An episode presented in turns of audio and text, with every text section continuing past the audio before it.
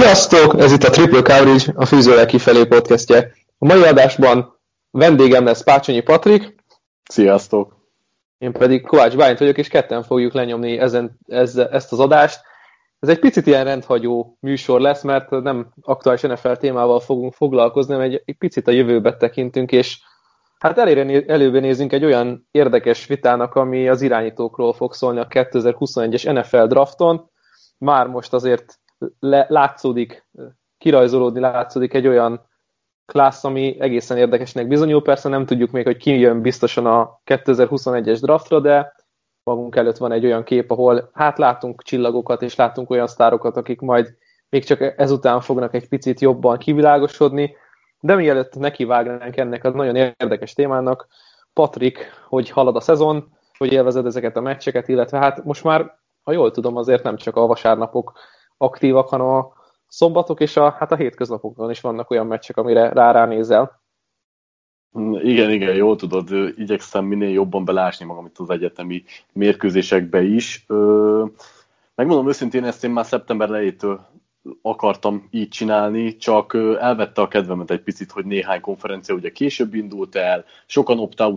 és akkor voltam már úgyis vele, jó, oké, akkor idén megint csak NFL-t fogok nézni, mert ez a szétszagatott szezon nem az én asztalom, nehéz is követni, hogy akkor most kijátszik, nem is látok mindenkit, aki jövőre jön a draftra, de aztán, ahogy így szép lassan csatlakozott az összes konferencia, én akkor kapcsoltam be igazán, előtte is néztem meccseket, de igazán akkor csatlakoztam be, amikor a Big Ten is elkezdte itt a maga mérkőzés, mérkőzéseit, és azóta szerintem ilyen heti szinten hát két meccset mondjuk élőben, meg mondjuk még további hármat, négyet így kondenszt változatban igyekszek megnézni, illetve ha van olyan meccs, akkor azt csak összefoglaló gyanánt belepillantok, és így megint magával ragadott ez az egész beszippantott, utána olvasok, én azért annyira nem vagyok benne régóta, mint te, és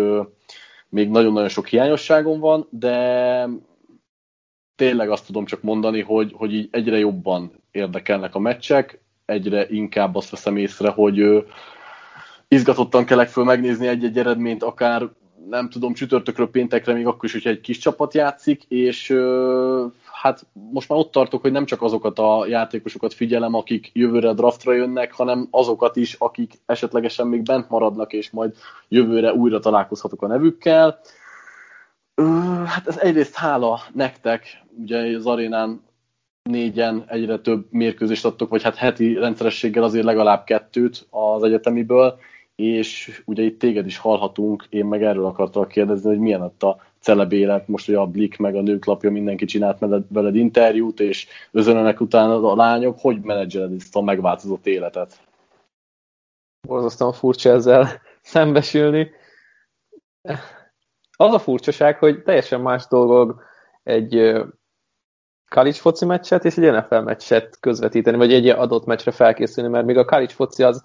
hát hogy mondjam, a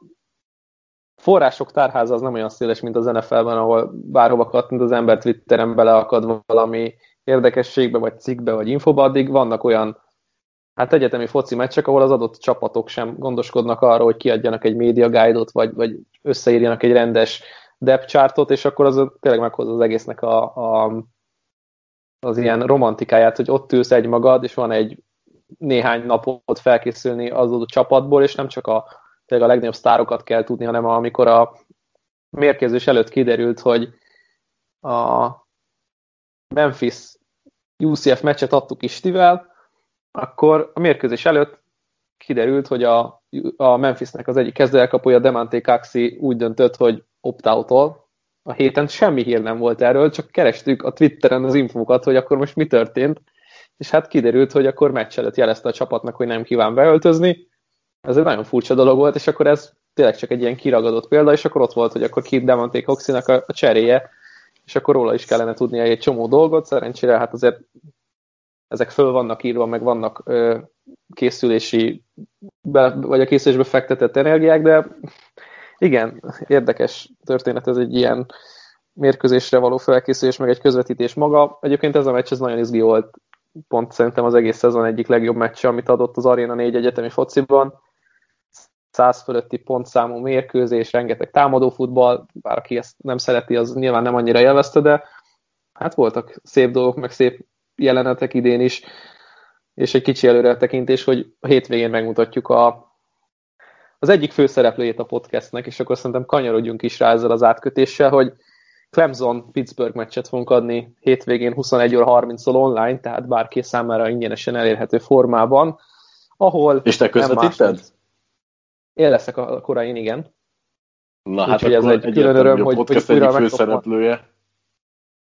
nem úgy, tehát nem én, hanem, hanem, hanem Trevor Lawrence, akiről majd fogunk beszélgetni.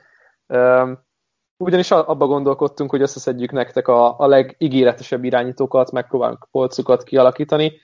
vagy hogyha nem is teljesen elkülöníthető ö, sávokat így a, a minőség között a játékosokban, de úgy, úgy mindenkiről beszélni egy picit, akik így a legjobbak. Személyes benyomás, kicsi tapasztalat, hogy mit láttunk tőlük, és szerintem menjünk a tetejéről, mert ha már beharangoztam Trevor Lawrence-t, és a legegyértelműbb most jelenleg egy per egyes kandidánsát a 2021-es draftnak, akkor szerintem nem menjünk el szó nélkül egyáltalán Trevor Lawrence mellett. Te, Patrik, mit gondolsz róla, és mi, milyen benyomásokkal nézed a, a Clemson meccseket, hogyha őt kell éppen center mögött figyelni? Hú, hát rögtön nem egy könnyű téma ugye Lawrence-ről beszélni, mert ugye el szoktak hangzani olyan közhelyek, hogy nagyon régen láttunk ilyen jó prospektet, ő több szinten mindenki felett van. Ugye tavaly Joe Burrow kapcsán beszéltünk arról, hogy Lákóta nem láttunk ilyen, prosz, ilyen prospekt szezont, és hogy mennyire tehetséges a sánsz, de még hozzá képest is Lawrence egy olyan szint, a, amit, amit tényleg nagyon-nagyon régóta nem láttunk, és azért különleges ő itt szerintem az elmúlt évek egy per egyeihez képest, és ehhez a klászhoz képest is, mert ő, hát mondhatjuk azt, hogy két és fél, de három éve olyan magas szinten játszik, amit, amit régen láttunk szerintem egyetemi fociban, és régen láttunk ennyire jó irányítót, aki a játék majdnem minden elemében ö, egy profi benyomását kelti. Ugye már a legelső szezonjában is nagyon pontos volt, nagyon jók voltak a, a hosszú labdái, akkor abban a szezonban még szerintem az idejétől, meg a tavalyitól eltérően a futásai is ö, élményszámba mentek, és ami még szintén kiemeli itt a többiek közül, hogy egyszerűen egy olyan mentalitású és határozott játékos, aki, aki nem remegett meg itt nagyon fiatal korában sem, amikor például a Clemson behúzta a trófeát, vagy pedig a tavalyi playoffban sem abszolút nem rajta múltak a dolgok. Úgyhogy ő egy tényleg egy, tudom, hogy ez elcsépett dolog, de hogy ő egy teljesen más szint, mint itt a többiek, akiről fogunk beszélni, és az, az is nagyon furán hangzik, hogy mindig elmondjuk, hogy a játék majdnem minden elemében tökéletes, de egyszerűen Lawrence esetében erről van szó. Ő egy kiváló downfield passer, nagyon jó fizikai adottságai vannak, nagyon pontos, lábon is nagyon jó, úgyhogy nehéz kiemelni bármilyen dolgot. Egyébként, ha neked valamire rá kéne böknöd, hogy mi az ő legnagyobb erőssége, akkor mi lenne az? Uha, ez az, ami nagyon nehéz, mert tényleg összetettségében a játék az, az tényleg gyönyörű, és, és csak jót lehet elmondani róla. Persze, itt picit visszakanyarodnék, hogy tavalyi szezon az nem úgy indult, ahogy kellett volna, idén erre rátszáfolt, nagyon erősen kezdett teli két lábbal a gázon. Nekem nagyon tetszik egyébként a döntéshozatala, vagy ez a higgadság, ami, ami igazán jó NFL játékosát teszi, amellett, hogy tényleg egy jó irányító az sok mindenből össze, sok mindenből tevődik össze, de, de tényleg a döntéshozatal az egészen kiváló, és sokat fejlődött az elmúlt évek során. Ezt láthatjuk egyébként most 2020-ban, hogy azért mennyire letisztultabb, mennyivel letisztultabb lett a játék, mint ahogy tavaly bemutatta azt. Nekem ezt tetszik nagyon. Az, hogy tényleg milyen hibát keressünk benne, hát lehet, mert letisztult a döntéshozatala, de vannak ilyen fejfogós hibái, de melyik irányítónak nincs még profi szinten is a legjobbaknak. Úgyhogy hát én nem tudnám egyébként kijelenteni annyira kategórikusan, hogy mindenki fölött sokkal-sokkal áll. Én azt gondolom, hogy Trevor Lawrence és a második között sokkal kisebb a különbség, mint mondjuk a második és a harmadik között, de ott tényleg egy nagyon nagy szakadékról beszélgethetünk. De egyébként bemutatja Lawrence-nek a,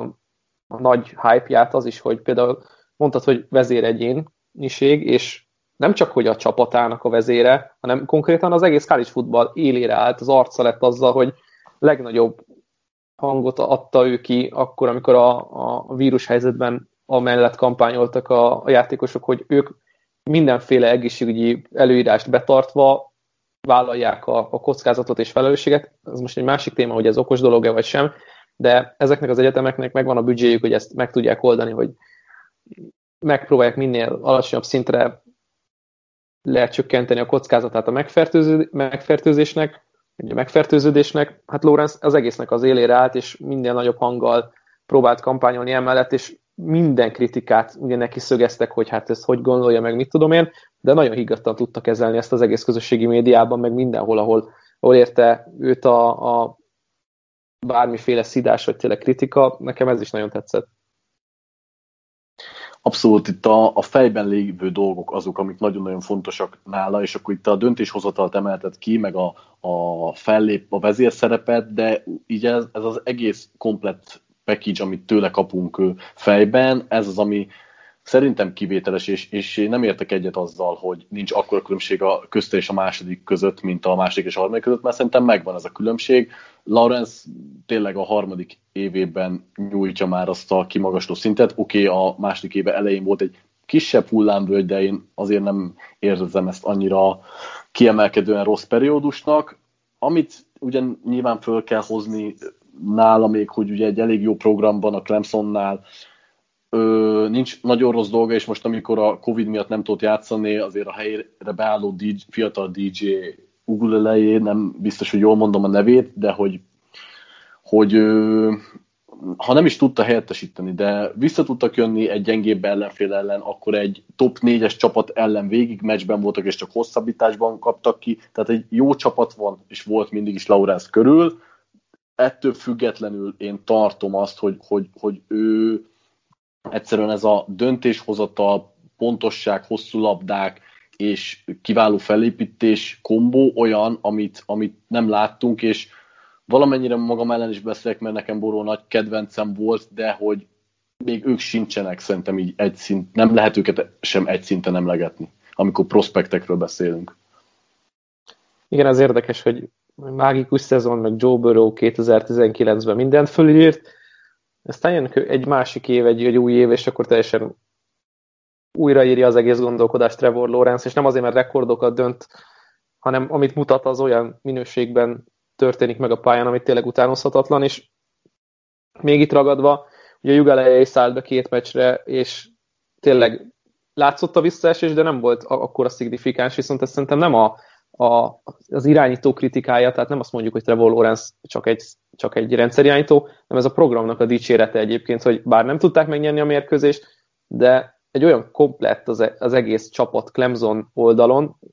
tekintve azt is, hogy mondjuk elvesztettek koordinátorokat, meg segédedzőket, meg, meg egy NFL prospekteket, rengeteget, hogy, hogy össze tudták szedni úgy magukat, hogy az egy 2018-ról 19-ről, majd 19 20 is egy kompetens bajnok esélyes csapat legyen, és ennek a vezére Trevor Lawrence. Szerintem egyébként túl is beszéltük akár azt a témát, amit bár nem biztos, de mert sokat lehet róla még beszélgetni, és fogunk is majd a jövőben, amikor már specifikusan csak az irányítókkal foglalkozunk, top 5 és csak a, azok, akik biztosan ott vannak a drafton, de nagyon sokat lehetne még lawrence beszélni, viszont vannak itt még a, a tárban bőven olyan fiatal emberek, akikről én ugye azt gondolom, hogy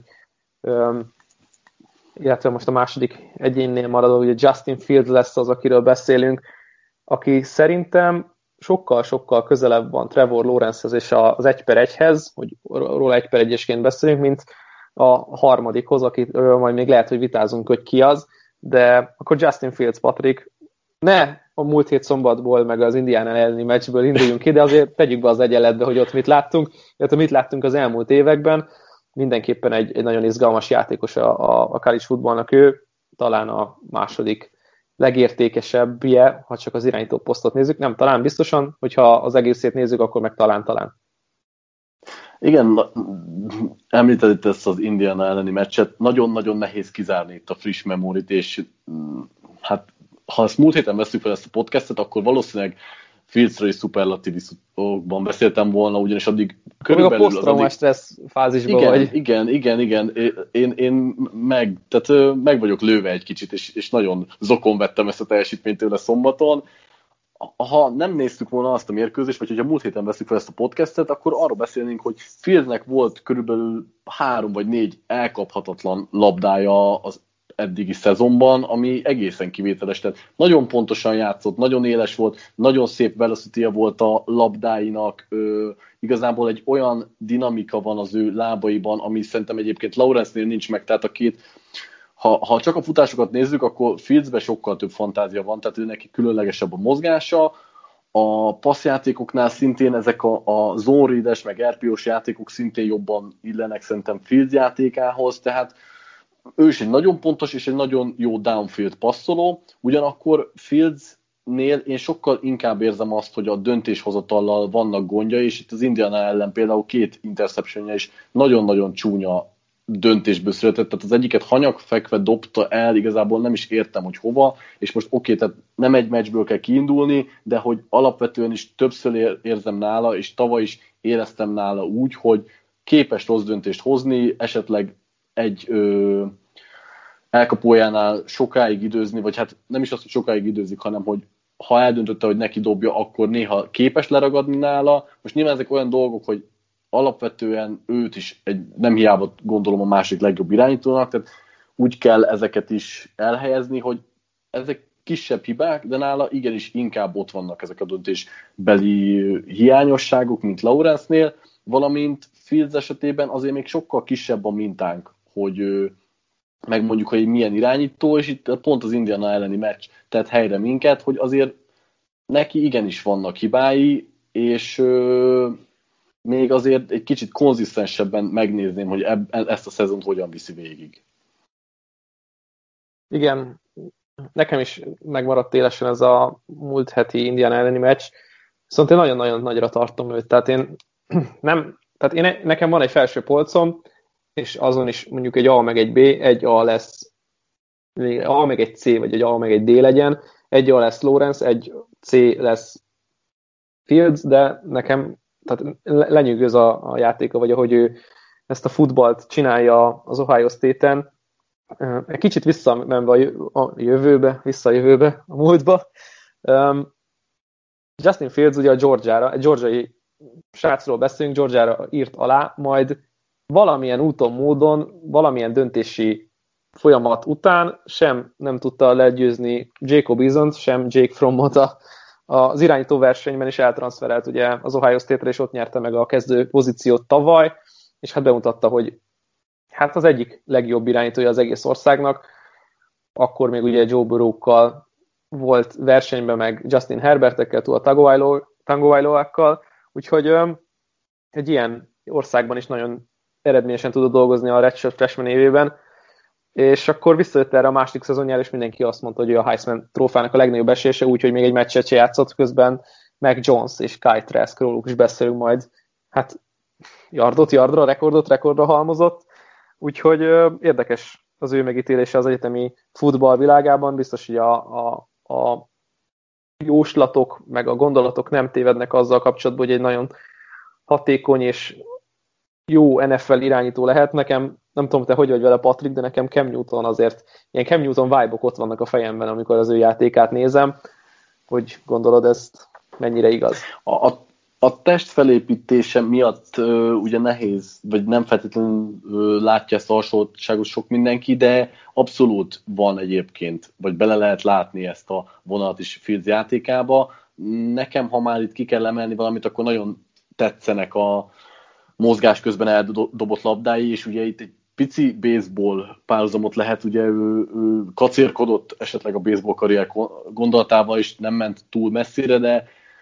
ő megfontolta, hogy mondjuk így, és látszik is néhány dobásán, hogy, hogy meg lenne a tehetség ahhoz a sporthoz is, és ezek kifejezetten tetszenek. Ami viszont nem tetszik, és még az előbb nem mondtam, de szintén a mozgás kultúrájához tartozik, hogy sokszor, ha nyomás érkezik rá, akkor rögtön a, rögtön a menekülés jut az eszébe, és nem pedig azt nézi, hogy esetleg a Bliss nyomán kimaradt üresen, vagy melyik zónát tudja megdobni, hanem egy picit gyorsan a nyakába szedi a lábait, és hát tényleg egy, egy nagyon természetesen jó futó irányító, de ettől függetlenül ezt én szintén egy kicsit az ő nyakába varnám, hogyha negatívumként kell valamit megemlíteni. Igen, az egyértelmű, hogy a nyomás alatt neki azért még van mit fejlődni, és az tök, tök furcsa abból a szempontból, hogy például Joe Burrow nyomását jobban dolgozott tavaly, mint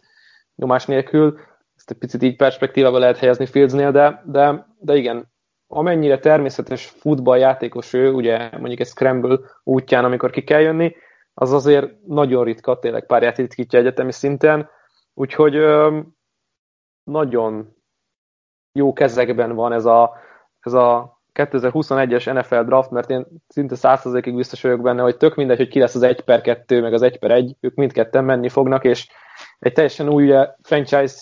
teljesen új arcai lesznek egy újjáépülő szisztémában. Most jelenleg ott tartunk, hogy a Jets és a Jacksonville Jaguars húz 1 per 1 és 1 per 2-re. Te látsz bármi esélyt, hogy, hogy ez a 1 per 1 Lawrence, 1 per 2 Fields ez megvaló, meghiúsulna? Egyáltalán nem. Nekem inkább egy olyan kérdésem lenne, hogy te Fieldset hol látnád szívesen? Hát, én nekem a Washington Redskins, akik Washington team, mert én mindig beleszaladok ebbe, tehát a Washington teamben látnám a legszívesebben, és ez furcsa dolog, de szerintem Ron Rivera lehet az, aki le, megpróbálja lemásolni Cam Newton vonalát, egy kicsit modernebb, modernebb szisztémába emelve, de szerintem kecsegtető lehetőségek vannak a washingtoni franchise-ban, és sokkal kecsegtetőbbek, mint mondjuk előtte hát a Jacksonville-ben és a, a New York Jets-ben. Mm, igen, az a baj, hogy a, az elképzelhetők közül én is egyébként a futballtímet mondanám. Most mondhatunk ilyet, hogy a Panthers rendszerében tök jól nézhet neki, meg nyilván kreatív edzők keze alatt, csak a nyilván ezek a csapatok nem ott fognak draftolni, és ha már ilyet kell mondani, akkor, akkor nekem is a futballtím jutna eszembe, aztán majd meglátjuk, hogy hogyan fog ez alakulni. Hát sajnos ez nem fog Hát vagy le kell csúszni addig, de egy per egy, egy per kettő. Most tényleg úgy tűnik, hogy beton biztos. Um, úgyhogy uh, hát Justin Fields valószínűleg vagy észak-keletre, vagy pedig dél-keletre költözik. Kíváncsian várjuk, hogy milyen új szisztémába, rendszerbe, edzőkkel megtámogatva, ki lesz az a, a koordinátor vagy stratéga, aki őt teljesen ki tudja használni úgy, ahogy egy sikeres irányítóval azt tenni kell. Lássuk idén Justin Herbertet, aki az Oregonon tavaly a nyomát sem mutatta annak, amire képes volt idén, ez már egy másik téma, de akkor ugorjunk is egy olyan játékosra, akiről tavaly nem gondoltuk volna, hogy olyan játékot mutat, mint amilyet mutat most, és az egyik legmegosztóbb szereplő a kettőnk beszélgetéseiben ő Zach Wilson, hogy én nagyon-nagyon magasra tartom őt, te viszont egy kicsit, hát azért próbálnád... Skeptikus vagyok igában tartani a lovakat, és nem elhagyni, hat felé szaladni, de mit gondolsz róla? Ő megint csak egy olyan játékos, aki szerintem nagy reményeket dédelget a következő drafton.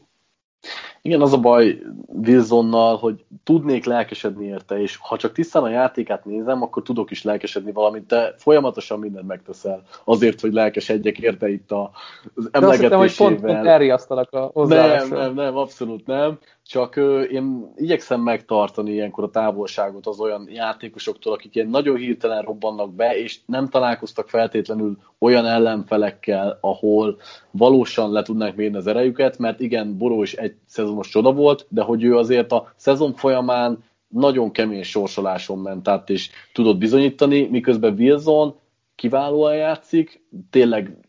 talán mondhatjuk azt is, vagy hát mondhatnánk azt is, hogy Heisman győz, győztes formában játszik, viszont elképesztő gyenge sorsolás van itt a csapatának, és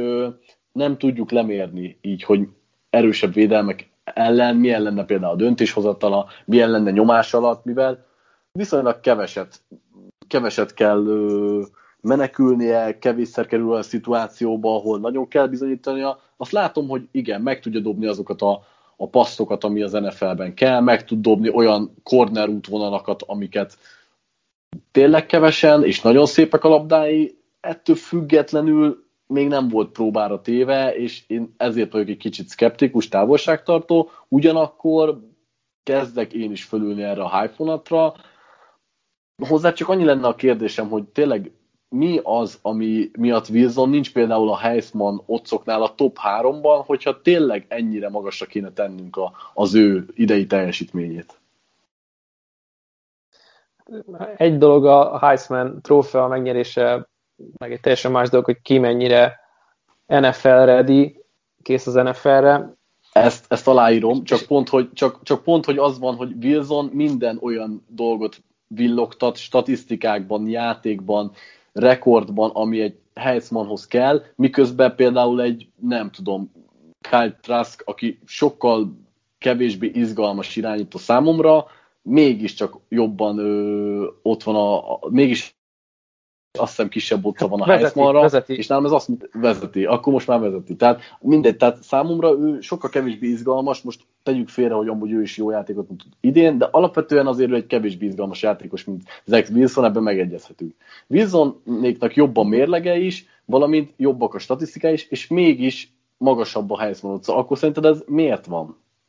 Van egy ilyen group of five szorzó a játékosok mellett, akkor fele annyit ér a statisztika nyilván, amit ők letesznek. Na, de hát akkor választ is adtál arra a kérdésre, hogy, hogy miért vagyok szkeptikus Wilsonnal. Én azt mondom, hogy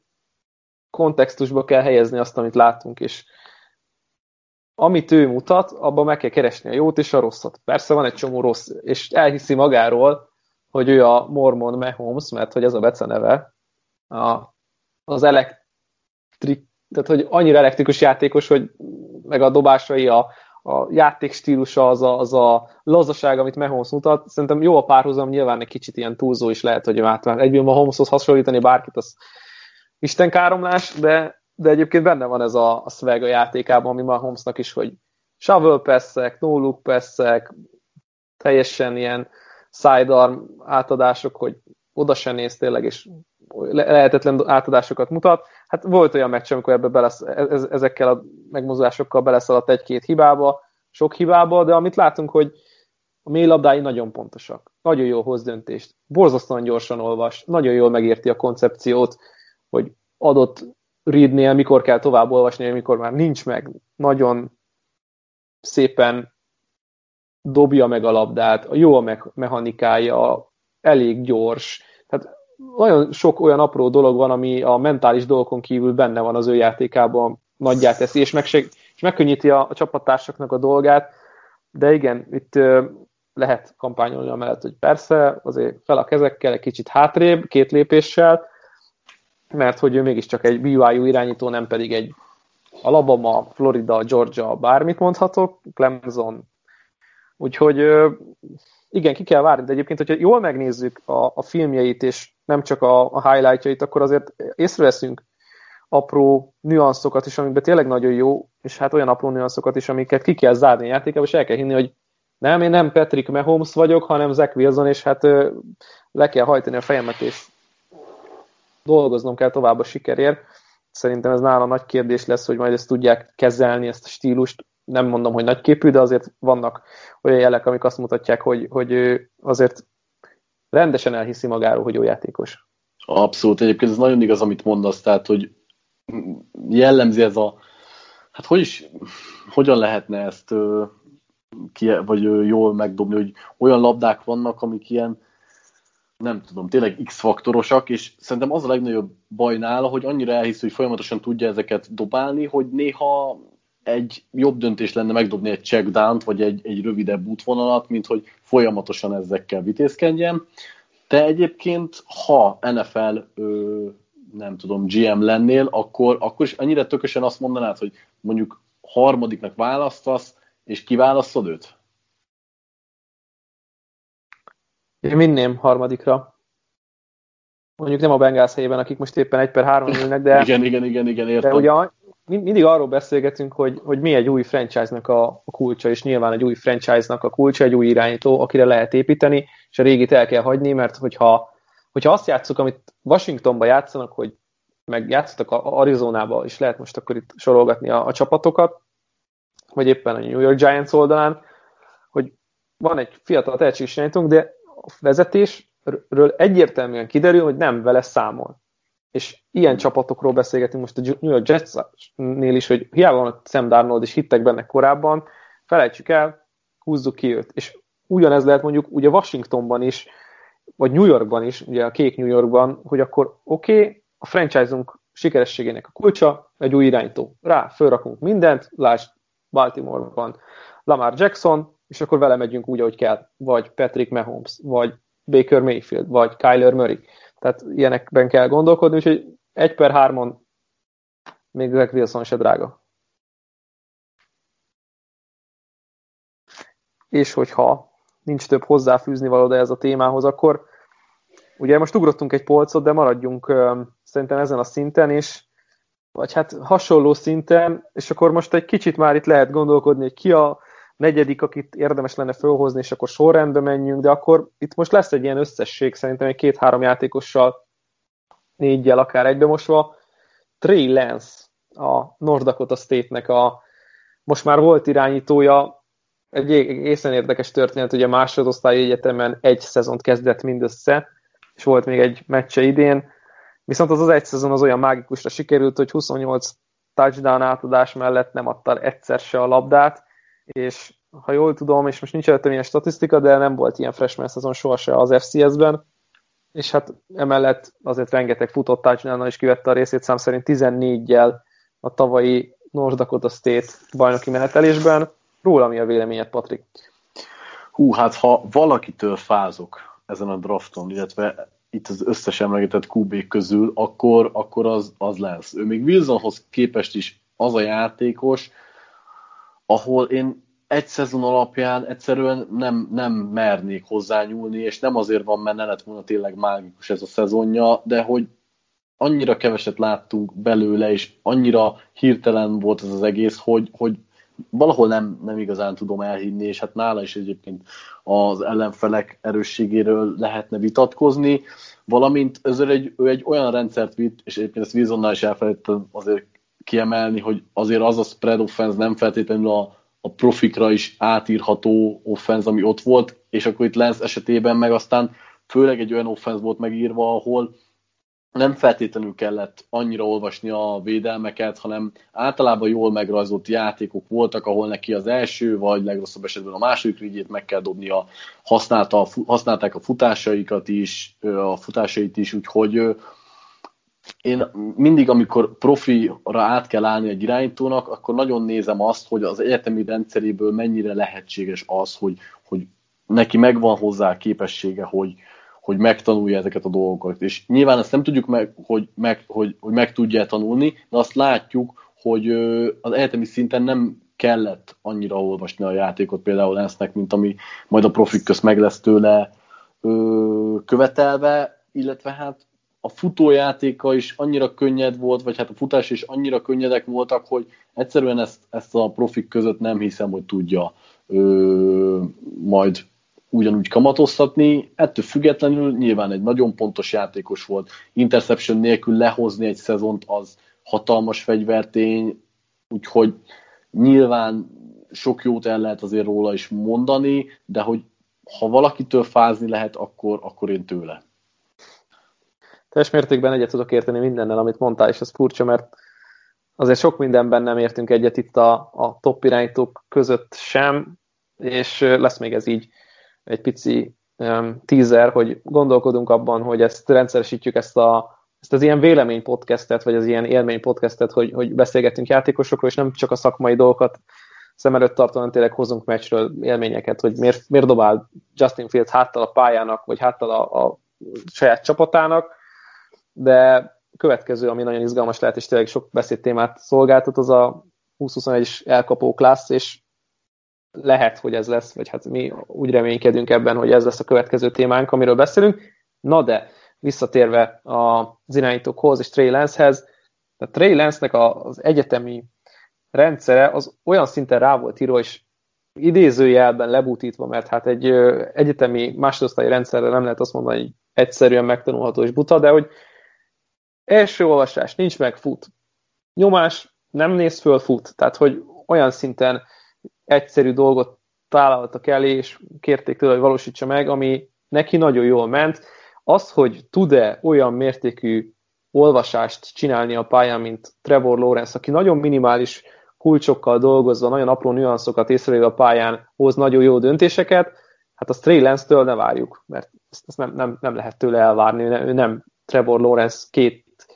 és fél év, vagy majd lesz három év első osztályú top tapasztalat ellen. Oké, okay, hogy az ACC nem egy, egy világverő banda, de azért ő megjárta a, a, college football playoffját kettőből kétszer, egy, egyet ugye meg is nyert, egyszer ugye a döntőbe hasalt el, tehát ott azért elég magas versengés ellen volt nagyon jó játékkal a pályán, ezt egy kicsit furcsán, sokan, sokan furcsálták, hogy miért nem transferelt el mondjuk Oregonba, vagy valahova az FBS-be, hogy bemutasson még egy szezont, de hát ugye nyilván egy új rendszer teljesen, tehát lehet, hogy azzal csak rontott volna az értéken, nem javított, és ezért ö, döntött amellett, hogy akkor ő idén nem játszik, vagy hát lejátsza az egy mérkőzését, amit ö, mm, játszottak idén a, a North Dakota State-tel, de azt tényleg alá tudom írni, hogy óriási potenciál, de akkorát lehet vele zakózni szerintem, hogy ha azt elhisszük róla, hogy akkor mindent meg tud csinálni a pályán, amit kérünk tőle, nem. Itt szépen egyenként, apránként kell rá nagyon egyszerű koncepciókat, és vagy, vagy, vagy, vagy olyan, vagy olyan olyan dolgokat elvárni, mint mondjuk Shanahan rendszere, hogy oké, okay, nem kell aztán túl variálni a dolgot, álljuk megkapja, Titul megkapja, Samuel megkapja, McKinnon megkapja, bárki megkapja, és akkor futnak vele. Egy hasonló rendszerben én, én tudnám élvezni az ő játékát, hozzáadva azt az adalékot, hogy nagyon jó futójátékos.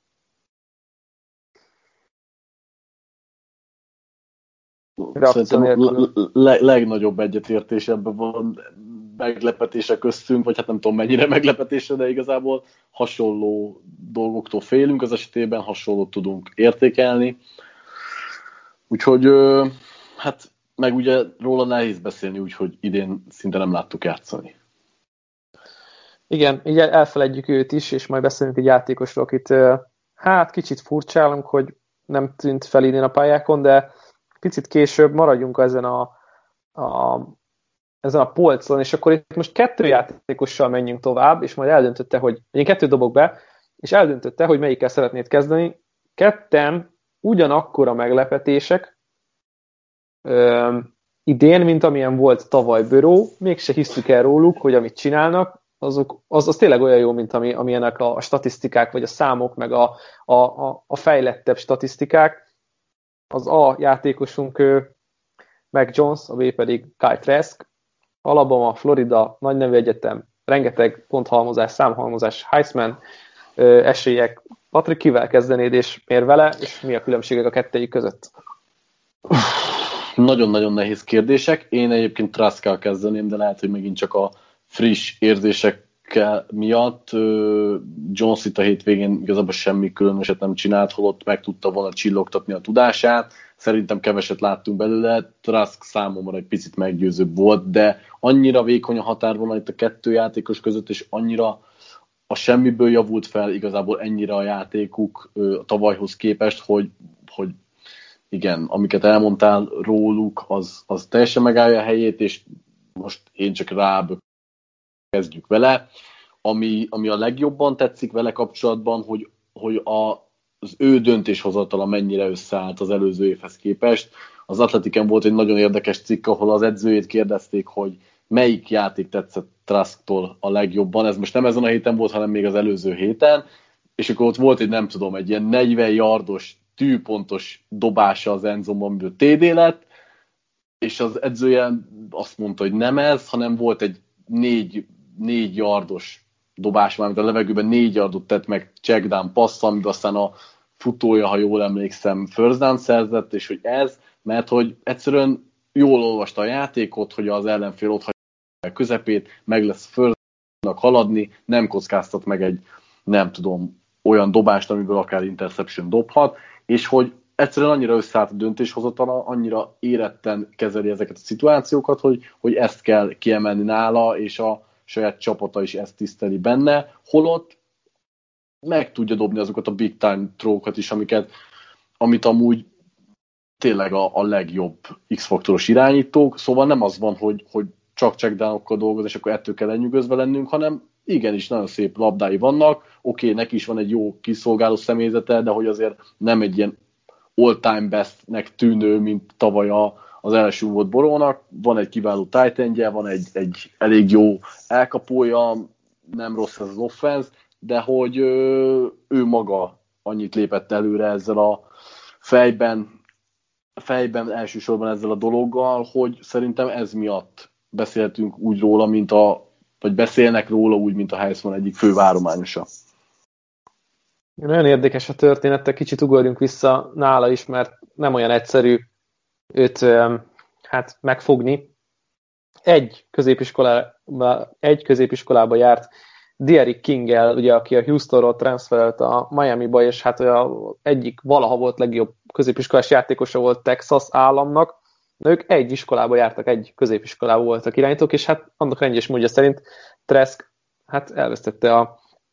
kezdőszerepet egy idő után, és végül King volt a, a középiskolában a kezdőirányító, és hát úgy került el Floridába, hogy, hogy gyakorlatilag nem volt sok tép róla, nem tudták róla, hogy mit tud ez a srác, mert ugye Kingről voltak a játékok, és akkor Tresk, talán jól emlékszem,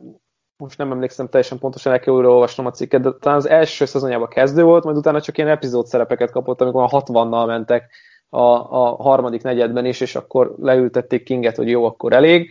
és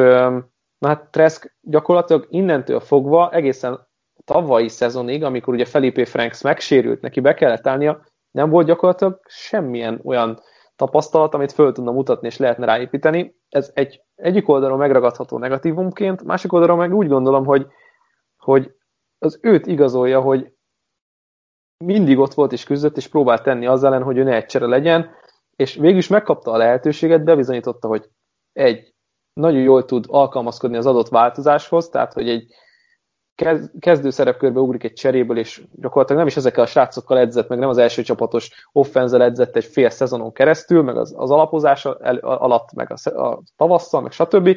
És akkor beugrott, és gyakorlatilag ment vele ugyanúgy a Florida, ha még nem jobban, mint Felipe Frankszel, és ugyanezt láthatjuk idén is, hogy nem volt fel, felkészülési időszakuk olyan hosszú, mint kellett volna. Négy NFL elkapót adtak ugye tavasszal a drafton, vagy, vagy talán ötöt, de most nem tudom ezt se pontosan, de a lényeg az, hogy a kezdő célpontjainak a felét elvesztette legalább, akik, akik sok snappet játszottak, és akkor jött 2020, csak SEC konferencián belüli mérkőzéseket játszanak, sokkal nehezebb dolga volt idén is, és gyakorlatilag ott tartunk, hogy Felipe, bocsánat, Kai Treskre a legkisebb az ott, hogy megnyerje a Heisman-t, persze kell hozzá egy Kedérius Tony, egy egy Trevon Grimes, vagy egy Kyle Pitts, bárkit emlegethetünk az elkapói közül, de azért mégiscsak meg kell dicsérni őt is, illetve Dan Mulent, aki olyan helyzetbe hozta, hogy ne kelljen még a sok nagy szám ellenésre túlvállalnia magát, mert tényleg, amit mondtál, nem az a nagy highlightja az ő játékának, hogy ő, hogy ő megdob egy 60 yardos paszt, amit szerintem egyébként nem tud megdobni, mert nincs olyan jó kar ereje, hogy pontos legyen, és rajta legyen a, a, a zip, meg stb. De, de tényleg egy 4 yardos checkdown, egy first downért többet ér, mint egy 60 yardos bomba a 20 yardosra, ez szituációja válogatja, de tényleg nála ez ilyen, egy ilyen nagyon jó le, le, vagy higgadt, letisztult döntéshozatal, úgyhogy igen, ez egy nagyon érdekes sztori, de talán picit elhúztam itt a történelmi részt a, a, a, az ő kis sztoriát. Én, én kedvelem őt, de azért vele már nem lennék elégedett az első körben. Igen, igen, egyetértek, és itt egy olyan kérdésem lenne, hogy szerinted igazságos ez valahol, és szerintem mind a kettőnknél közrejátszik valamint itt a, hát a közvéleménynél is, hogy az ilyen kevésbé izgalmas játékosok, mert azért Trask nem egy jó atléta, nincs meg azért a karja ezekhez a 60 yardos bombákhoz, amikről beszéltünk, nem az az izgalmas játékos, mint például nem tudom, Zach Wilson vagy Fields, akiknek van egy másik dimenzió is a játékában, ugyanakkor egy egy nagyon stabil, küzdeni tudó, jó döntéshozatalú játékos, hogy mégis őket egy polccal lejjebb tesszük, mert mi is lejjebb tesszük, holott nem feltétlenül tudjuk megmondani a valódi okát, hogy, hogy miért, de talán ez, ez közrejátszik abban, hogy nem látjuk az izgalmat bennük, vagy ezt az X-faktort. Szépen lassan apránként arra felé tendál az NFL is, hogy ne nézzünk el az irányítók atletizmusa mellett atletikus képességeik mellett, és szerintem ez most talán ebben a szezonban még jobban kirajzolódik, hogy, hogy Patrick Mahomes erre is nagyon jól tud építeni ezeken az off-platform játékokon, hogy kimozog, bármilyen testtartásba eldobja Russell Wilson, Kyler Murray, és szép lassan ilyen játékosok fognak jönni, mert izgalmas, megnyújtja a játékot, több opciót ad, scramble opciót ad, lehet ezt is gyakorolni edzésen, úgyhogy érdekes, igen. Én is egyébként ezeket a játékosokat szeretem jobban, és akikről most beszélgettünk, a négyben mindegyikükre igaz, hogy ezt meg tudják oldani, még Trevor Lawrence is, akiről azt gondolnánk, hogy nem, pedig egy nagyon atletikus játékos. Többiekről még ne is beszéljünk, mert azért lábon nagyon jók. Hát Treskre így nem igaz, és szerintem nem feltétlenül igazságtalan, hogy nem tartjuk olyan nagyra, mert tényleg ezt így kivehetjük a játékából, és akkor erre a védelmi gameplanbe is lehet olyan megoldásokat találni, hogy oké, okay, akkor ez a fegyver nekik nincsen, akkor másfelé fogunk nyúlni, és máshogy próbáljuk őket megverni. Ilyen az NFL felé tart. Igen, ez sajnálatos, és egyébként szerintem amiket most elmondtunk, ezek egy részét a következő prospektnél, meg Jonesnál is elmondhatnánk. Ő sem így egy van, így van. igazán mobilis játékos, ő sem ezekről a kifejezett highlight playekről, neki sincs meg az a deep pro accuracy amiről, ami kellene. Tehát konkrétan nagyon nagy párhuzamot lehetne vonni közöttük, és ugye Szaban megint egy zseniális offense rakott össze albumában, amiben meg Jones is egész jó játékosnak tűnik, de hasonlóan ő sem egy elsőkörös tehetség szerintem. Hát nagyon furcsa egyébként meg Jonesról beszélgetni, mert ugye túl tavaly megsérült, beállt, nem esett vissza semmi a támadó játékban, és akkor azt mondtuk, hogy jó, jó, jó, ez csak az idei rendszer, meg a négy eh, nagy, nagyszerű elkopó, meg, meg, meg felejtsük el, majd jövőre meglátjuk, jövőre úgy fog kezdeni. Hát nem így történt, jövőre is így kezdett, tehát az, ami már idén, ő kezdett, így kezdett, sőt, még ígyebb kezdett, és még kevesebb minőségi, idézőjelben minőségi, mert azért alapomában föltöltik mindig az elkapókat,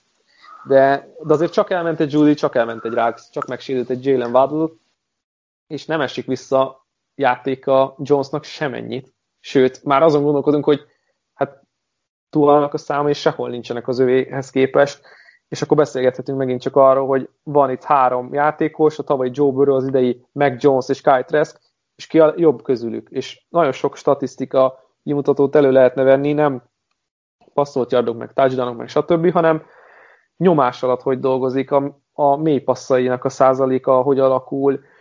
milyen pontos az a labda abból a tekintetből, hogy hova jön az elkapónak. Tehát, hogy, hogy vannak olyan statisztikák, amikben Mac Jones és Kyle Trask 2020-ban hát szignifikánsan vagy, vagy nem marad el, vagy jobb is, mint Joe Burrow tavaly volt. És ez megdöbbentő, hogy ha tényleg mélyre a dolgoknak,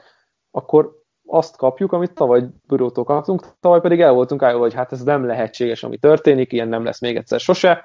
és akkor egy év eltelt, és minden lemásolódik szinte két különböző játékosnál ugyanabban a konferenciában, úgyhogy ez sokat árnyalja a képet, de egyébként maga a Mac Jones élmény az szerintem hát nem annyira izgalmas, mint mondjuk Zach Wilson. De ez nekem elfogult történet. Abszolút, mondom, itt a Trask Jones eset szerintem nagyon párhuzamba váltató, nyilván ők is különböznek, de hogy izgalom szempontjából nagyon hasonló hőfokon égnek. Abszolút. És akkor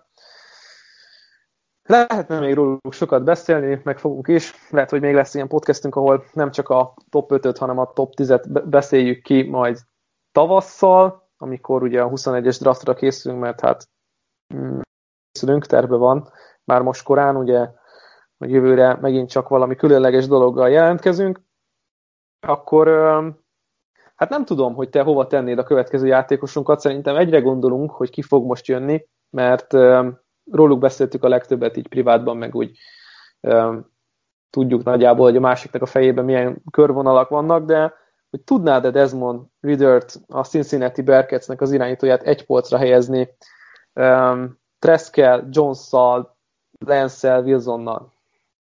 Nem, nálam ő egy szinten lejjebb jön, ő, se, ő, ő furcsa módon, ő viszont egy izgalmas irányító, ellenben ő már kevésbé pontos ahhoz, kevésbé jól passzoló irányító ahhoz, hogy feltétlenül az ő szintjükön tudja, tudjam őt emlegetni. Ridder egy nagyon jó ö, dual threat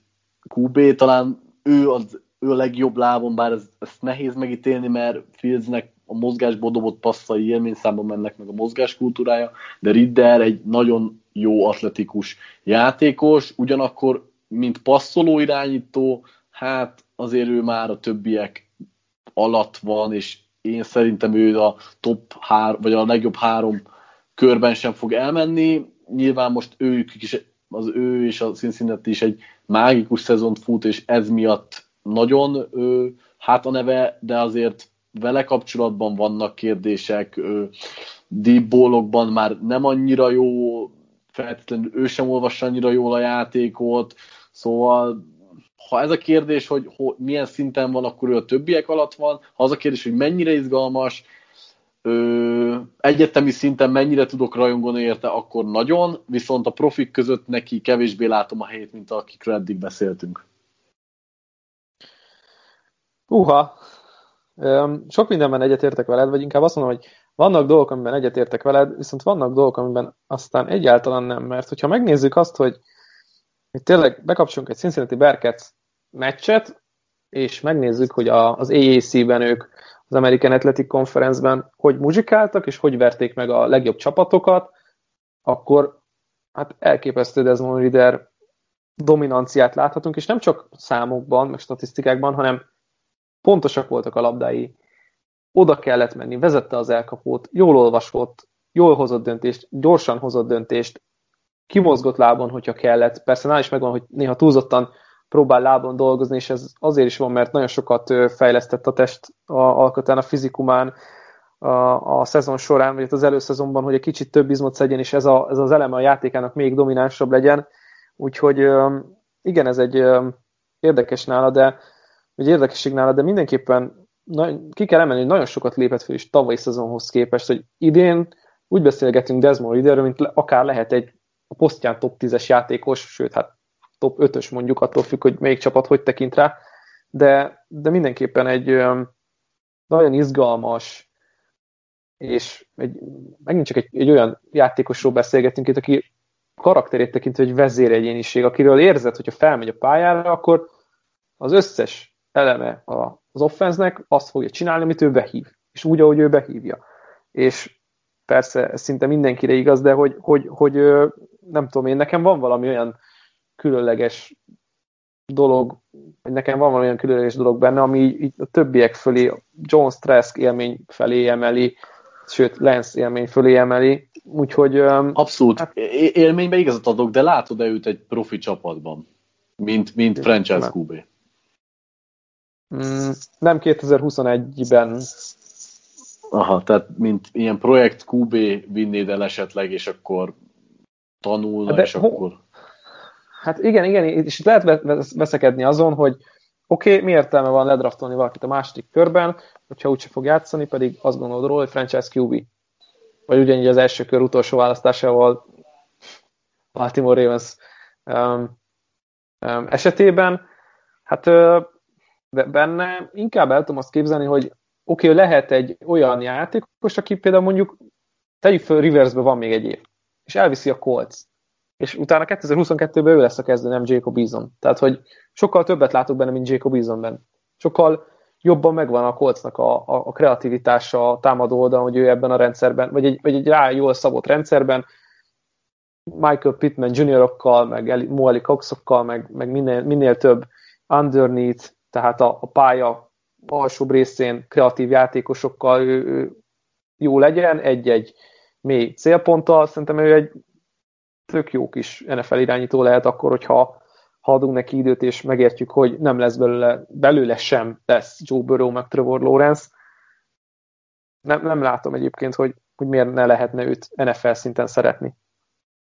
Itt már egyébként nem feltétlenül olyan irányítókról beszélünk, akik biztosan be fognak válni, hát azért ő már Riddert most hetedik irányítókon hoztunk, nagyon ritka, hogy egy klászból hét irányítóról úgy lehessen beszélni, mint egy profi franchise arca. Abban egyetértek veled, hogy igen, Ridderben van fantázia, hosszú távon ki lehetne hozni belőle valamit, de én akkor is úgy érzem, hogy, hogy ezek a tipikus profi ösztönök nem feltétlenül vannak, lesznek, vagy vannak meg benne. Aztán tévedjek én, én nagyobbat, mert valahol szeretnék hinni Ridderben. Na, én is egyébként, és mindig úgy vágunk neki egy, egy meccsnapnak, meg úgy kelünk fel másnap, hogy na, és nézted? Desmond Riddert, és igen, hát ő is egy ilyen játékos, akit azért lehet bőven kedvelni, nézzétek, Cincinnati Bearcats, és talán itt meg is húzhatunk egy olyan vonalat, ami, ami így nem mondom, hogy lezárja a podcastet, de egy új részbe hajlunk, amely sokkal rövidebb, inkább csak egy ilyen beszélgetés, vagy hát egy, egy ilyen élmény dolog, hogy, hogy én azt gondolom, hogy itt, itt, itt lezárhatjuk azokat a játékosokat, akikről mélyebben beszélünk, és beszélünk pár sorban, vagy pár szóban olyanokról, akiket láttunk játszani, láttunk idén tavaly, tavaly előtt játszani, de picit, tehát nincsenek abban az izgalmi kategóriában, nem látunk benne jó NFL játékost, vagy éppen csak így megragad bennünk, hogy de ő is idén kijön a draftra, vagy jövőre kijön a draftra, láttuk, volt jó meccse, el lehet nézegetni a csapatát, tetszetős a játéka, de mégis nem az a, nem az a hú de nagy szám, amit így várunk egy NFL-be igyekvő szupersztártól.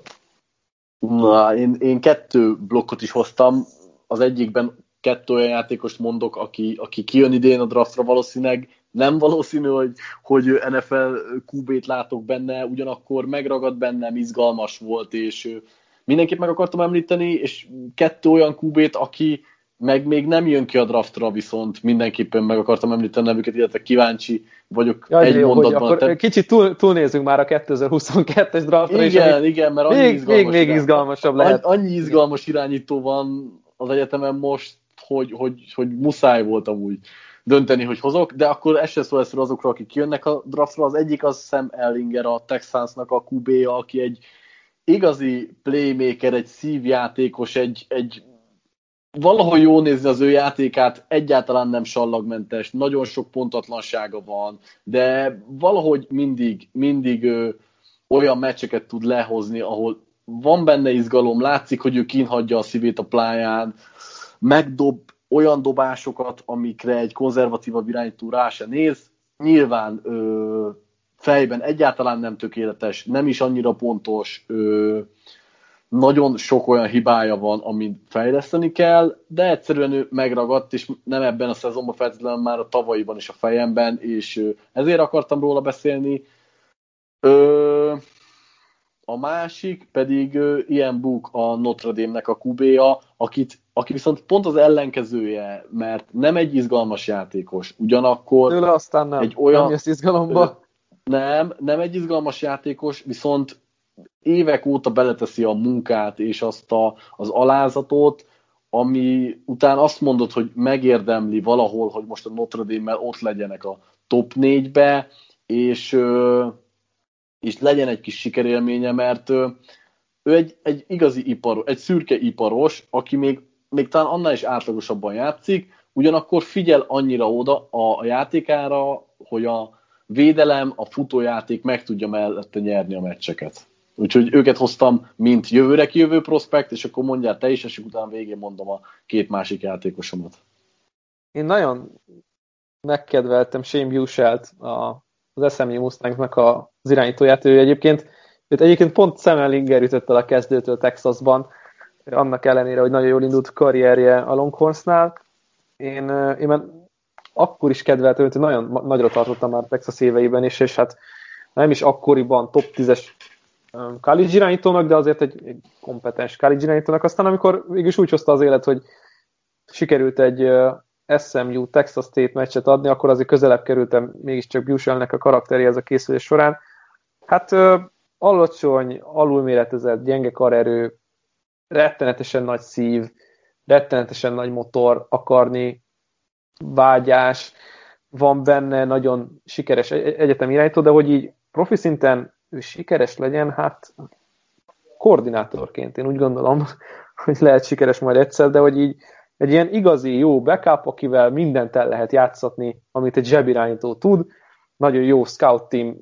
lehet akár egy, tényleg egy, egy tipikus zsebirányító um, szerepében, de hogy így nem sokkal több nála, így, így, így nagyon a plafon az úgy ott van, és akit még, hogy hát ott van a plafon elég alacsonyan, és akit még így meg lehet említeni, mint furcsaság, és utaltam rá, többek között Jamie Newman, aki hát Wake Forest-re transferelte Georgiába, hogy kiülje az idei évet és elmenjen a draftra. Teljesen hetetlen ne, volt nekem ez Nem az egész. tudok rajongani ezért az egész sorozatért, amit az ő életében lejátszódott. Igen, hát őt nagyra tartották, óriási potenciál, nagy játékok, izgalom, amiről beszéltünk az elején a Zach Wilson Trey témában, egy picit másabb kivitelben, azért passzjátékban is azért oda lehet őt tenni a jó, jó, jó közé, és végre kaphatott volna egy olyan lehetőséget, hogy a legjobbak ellen, idén aztán SEC, és akkor megmutatja, és akkor opt érthető persze, nem, tehát senkit nem szeretnék megkérdezni, de hogy ez így furcsa, hogy hú, végre megkaptuk volna a Jamie Newman izgalmakat, aztán nem kapjuk meg, mert nem játszik Csak érted, hogy mire számít ezzel, hogy hol fogják elvinni a drafton, így, hogy nem láttunk semmit belőle, tehát... A harmadik napon. Hát igen. Ez így harmadik nap. Úgyhogy mondhatnánk még egyébként Spencer Sanders kedvenced, Oklahoma State lehet, hogy kijön. Igen, igen, igen, most idén kevésbé varázsoltál, de tavaly, tavaly ő is belopta magát a szívembe, aztán követtem idén is, de nem, nem feltétlenül ö, az Oklahoma State-et most nem feltétlenül a támadó sora viszi ez, ebben nem, az évben. Nem, igen, ami elég furcsa, de nem. Szóval beszélgethetünk. Brady White, Tanner Morgan, Brock Purdy, sokan vannak, nagyon nagy, Kellerman, nem beszéltünk róla egy szót se. Michael Penix, az Indiana megmutatta, hogy hogy kell megverni a levegőt az Ohio State-et. Úgyhogy, úgyhogy vannak sokan, de akkor örülök, hogy itt behoztad ezt a jövőre még biztos nem draft, akkor az nagy irányító vita 2020 kategóriába a témakörbe picit nagyon röviden belefordulva, akkor az a két játékos ki lenne még, aki mindenképpen ott van a kis listában. A, a számomra a két legizgalmasabb játékost hoztam, és hagyok esélyt, hogy megtippelt, hogy ki lehet ez a kettő. A két, Spencer Rattler. Igen. É, hát nem tudom, az én kedvencem mondanám Keaton Slowis. Nem, Sam Howell. Á, másik ő lett volna. De egyébként azt hittem, hogy Kinget fogod tippelni. Nem, nem, nem, én biztos voltam, hogy valamelyik kis, de King egyébként jöhet, tehát hogy, hogy valamelyik freshman, freshman sophomore gondolsz. Ja, ja, ja, igen, igen. Szóval ők, hát eltérő stílusú játékosok, és nyilván mind a kettők de van izgalom, Rettlernek talán egy kicsit könnyebb dolga van, azért jobb edzővel és jobb csapattal dolgozik, igazán extra karja van, és mozgáskultúrája, úgyhogy mindenképpen egy izgalmas játékos. Már idén is, jövőre meg még jobb lehet. Ö, Lincoln Riley kezei alatt, annyi, már amennyiben Riley marad, ugye? Ö, Howell teljesen más típusú játékos, de már tavaly is láthattuk őt is meg megvillanni, és hát idén is halmozza a yardokat. Igen, akkor uh, Howell-t igen, én is nagyon szeretem, és hogyha már nem találtam a Keenan slow akkor mondom őt. Hát um, nagyon izgalmas, nagyon izgalmas lesz itt 2020-ban is a, a draft téma, ne, ne szaladjunk ennyire előre. De ha valakit szeretnétek nézni, és, és tényleg nagyon üdítő, irányító játékot szeretnétek követni szombatonként, akkor Keaton Slowis, de van még itt nekem egy nagyon-nagyon eldugott nevem, és kíváncsi vagyok, hogy nagyon-nagyon kicsi, de most idén nagyon sikeres egyetemről van nekem itt egy név fölírva. Idén nagyon sikeres. Costa Caroline-ával? Így van, Grayson McCall. Basszus, igen, igen. Szintén, szintén, szintén de, de gondoltam rá. Igen. Freshmanről beszélgetünk, gondoltam rá is, hogy, hogy őt is lehetne hozni egy hirtelen, hogyha ha így, hogy van, valaki van itt a, a fejem hát, hátsó részében, de azért nemrég beszélgettünk róla, akkor ő mindenképpen ott van, illetve hát láthattuk a tévében, tav, tav, nem tavaly, múlt héten, Graham Mertzet is, aki szintén redshirt freshman játékos. Hát nem a legjobb játékát hozta a Northwestern ellen, de előtte a nyitó mérkőzésén a Wisconsinnak azért elkápráztatott mindenkit, úgyhogy lehet rajongani a, az egyetemi irányítókért is, 2021-es klasszérnek főleg. Patrik, nem tudom, van-e még bármi adalék, amit szeretnél itt beszúrni, mielőtt elköszönnénk? Hát így is hosszú volt az adás, még lenne szerintem egy csomó mindenkiről beszélni, de majd még remélem, hogy beszélünk nem feltétlenül irányítókról, de akkor is sok mindent szóba fogunk tudni hozni. Jól van, akkor már ami ennyik voltunk, az irányítókról beszéltünk, és hát ugye mondtam is adás közben, hogy szeretnénk egy kicsit ezt tovább fűzni. Nagyon valószínű, hogy akkor az, az elkapókkal haladunk tovább egy nagyon telített osztály, illetve klasszal, osztályjal, névsorral, haladva tovább, úgyhogy köszönjük nektek, hogy hallgattatok minket, köszi Patrik, hogy itt voltál ma velem, találkozunk legközelebb, sziasztok! Sziasztok!